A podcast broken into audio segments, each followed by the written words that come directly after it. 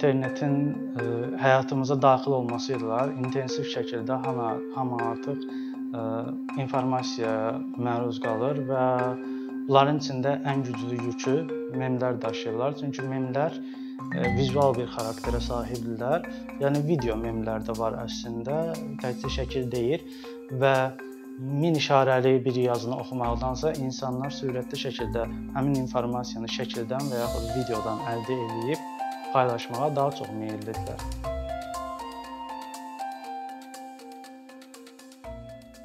Salam, mən Cavid ağa. Bloqerəm, həm də Azərbaycanın iki ən böyük mem səhifələrindən ikisinin də adminiyəm belə deyək. Və bu gün sosial mediadakı memlərin rolundan danışacağıq. Onlar incəsənət növüdürmü, ifadə tərzidirmi? Bunlardan danışacağam. Birinci mem ifadəsi ümumiyyətlə nədir? Richard Dawkinsin əsasını qoyduğu terminologiya əlavə elədiyi ifadələrdən biridir memlər.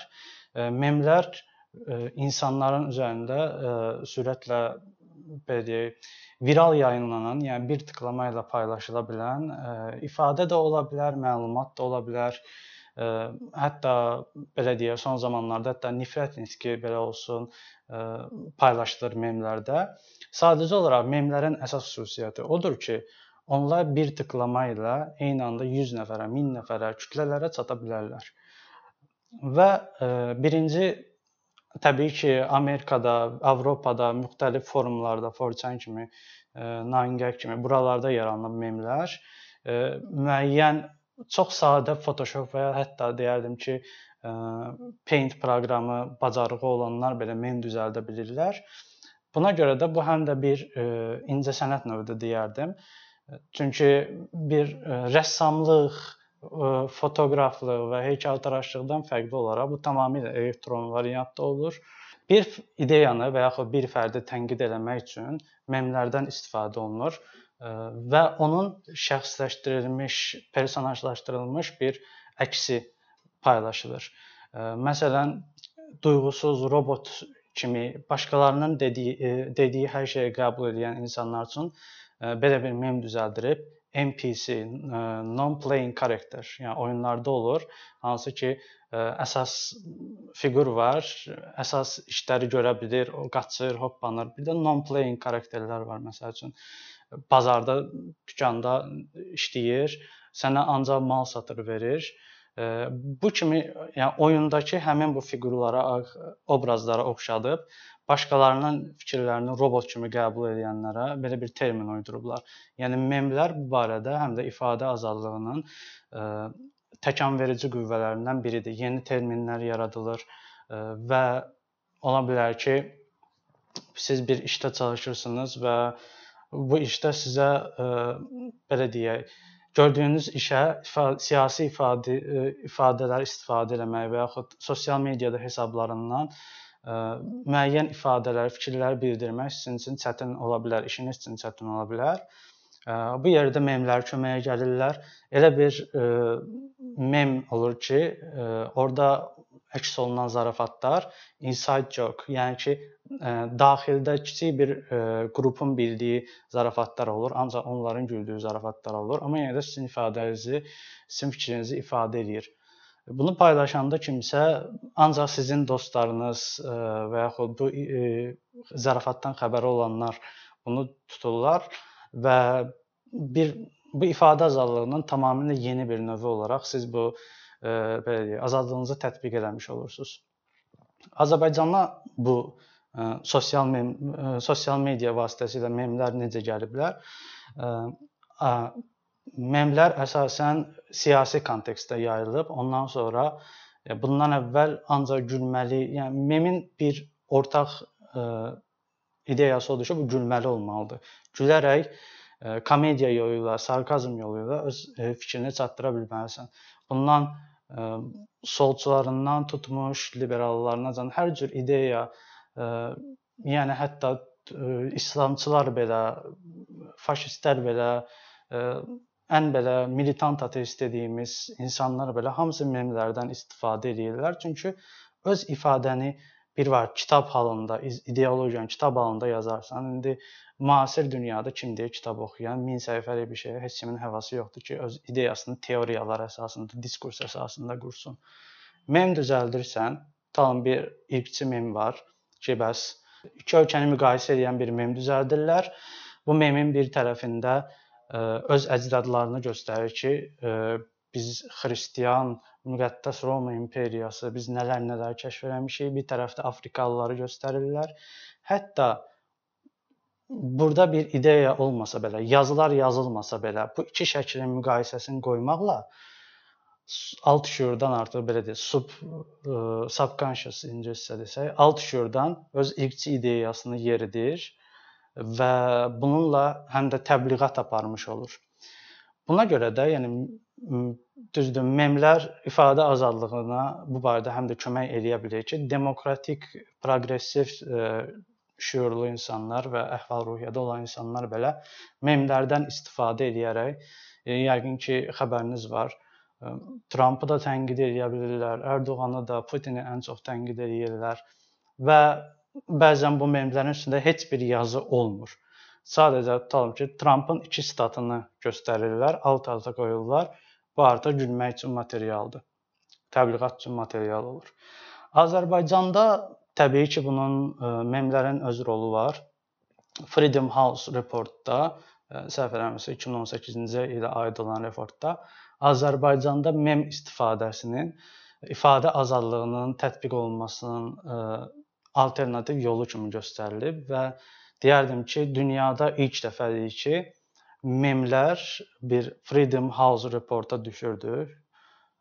Yəni dünyada başqa heç bir yerdə bu barədə bir e, şey görməmişəm. Hamı qəzetlərdə yazır, nə bilim televizorda, internetdə necə sözünü ifadə eləyir, amma memlər şəklində ifadə sırf Azərbaycana xas olaraq belə öz yerini tutub. Təbii ki, memlər təkcə ə, siyasi kontekstdə olmur, mədəni, bizim daimi gündəlik həyatda yaşadığımız ə, hadisələrə uyğun da imitasiyalar edərək ə, memlər hazırlayırlar. Məsəl üçün mənim ən çox haqqında hazırladığım memlər evlənmək və uşaq olmaq barədə memlərdir. Qohumların uşaqları uşaq istəməyi kimi memlər. Və ümumiyyətlə ə, məsələn Marvelin son filmlərindəki olan səhnələr hansı ki bunlar ikonik şeylərdir və bu barədə daim ə, memlər hazırlanır. Məsələn, Kapitan Kapitan Amerikanın qocalıq, qoca halına gəldiyi və hər şeyi yaşadığı, təcrübədən keçdiyi bir e, səhnə var. Oradakı e, belə bir ifadə səslənir. No, I don't think I will. Yəni ki, yox, düşünmürəm ki, bunu edəcəyəm. Məsələn, bu barədə memlər hazırlamışıq ki, e, qohumlar məndən soruşur ki, nə vaxt evlənərsən? Artıq biz burada həmin Kapitan Amerikanın həmin şəklini qoyuruq və o filmlərə baxan insanlar artıq söhbətin nədən getdiyini bilirlər və öz aləmlərində yəni gülürlər. Memlərin belə bir e, təsiri var. E, və təkcə yəni dediyim kimi burada e, pop kultura önəmli rol oynayır və memlər də artıq pop kulturanın bir hissəsinə çevrilir. Əvvəllər buna görə artıq memlər klassifikasiya, yəni sinifləndirilir.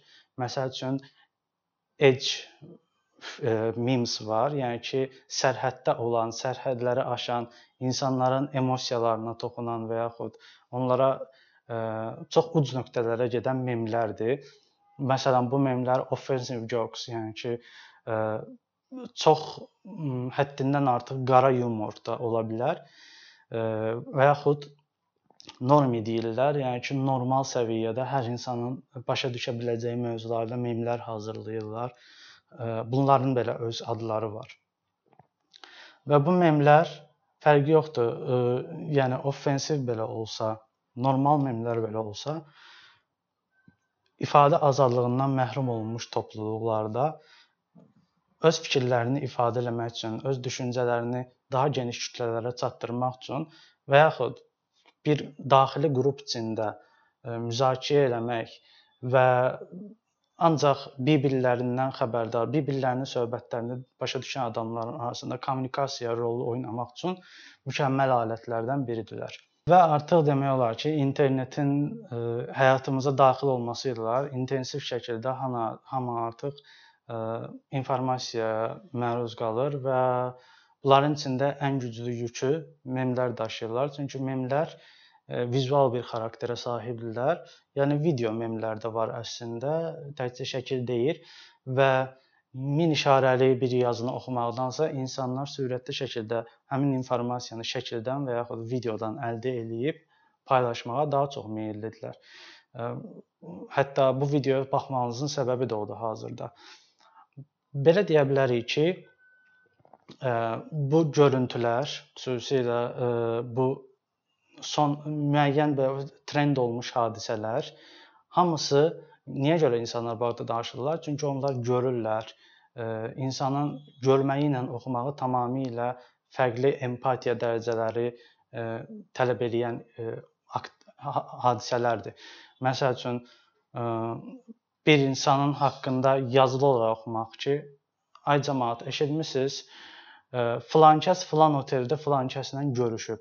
Bu sadəcə olaraq belə bir klassik desək qeybət formasıdır. Amma memlər bu qeybətləri hətta bir fakt halına da sala bilirlər. Fakt halına nə mənada fakt deyirəm? Yəni inandırılmış buna belə deyək, Trump alternativ fakt demişdi. Yəni ki, absurd bir iddiadır, amma e, yəni ki, memlərin gücü bundadır ki, onlar əslində olmamış bir hadisəni olmuş kimi göstərə bilərlər. Buna foto manipulyasiyalar daxildir. E, deepfake e, buna foto manipulyasiya bir çox video alqoritmlərlə insanları saxta videolar düzəldib bir məsələ barədə danışırmış kimi göstərmək olar. Onların səs analizini edib ə, virtual olaraq onların hə, klaviatura ilə bir cümlə yazırsan, o cümləni o adama dedizdirirsən, o adamın səsi ilə dediyi çıxışlardan, verdiyi bəyanatlardan bütün hərfləri, səsləri yazırlar bir alqoritmlə.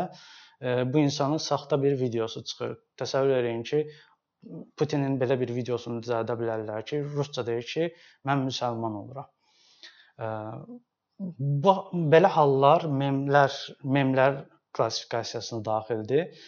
Çünki viral olaraq dəhşətli şəkildə çox yayılırlar.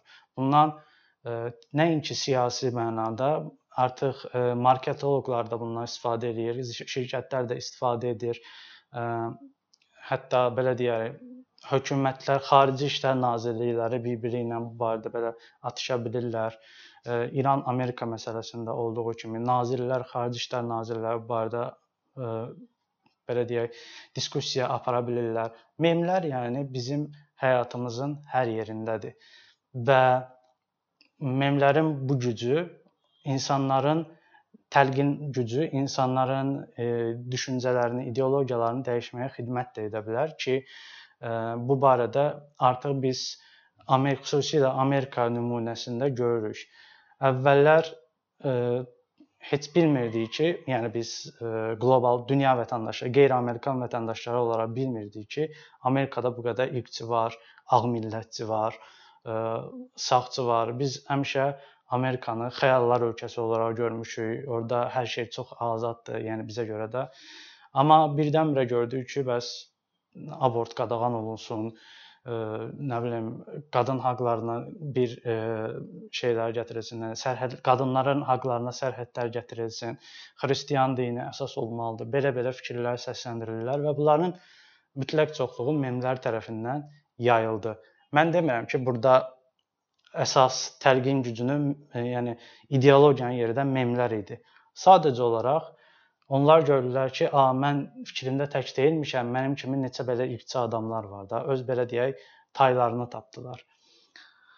Memlərin bu baxımdan tərsinə də istifadə eləmək olar. Proqressiv insanlar, e, demokratik əhval-ruhiyyəli insanlar e, öz fikirlərini, öz ideologiyalarını, yəni öz həmkarlarını, həm düşüncəli insanları tapmaq üçün memlərdən istifadə edə bilərlər. Və buna görə də deyirik ki, mem bu dəqiqə inter internetdə və sosial mediadakı ən güclü silahdır.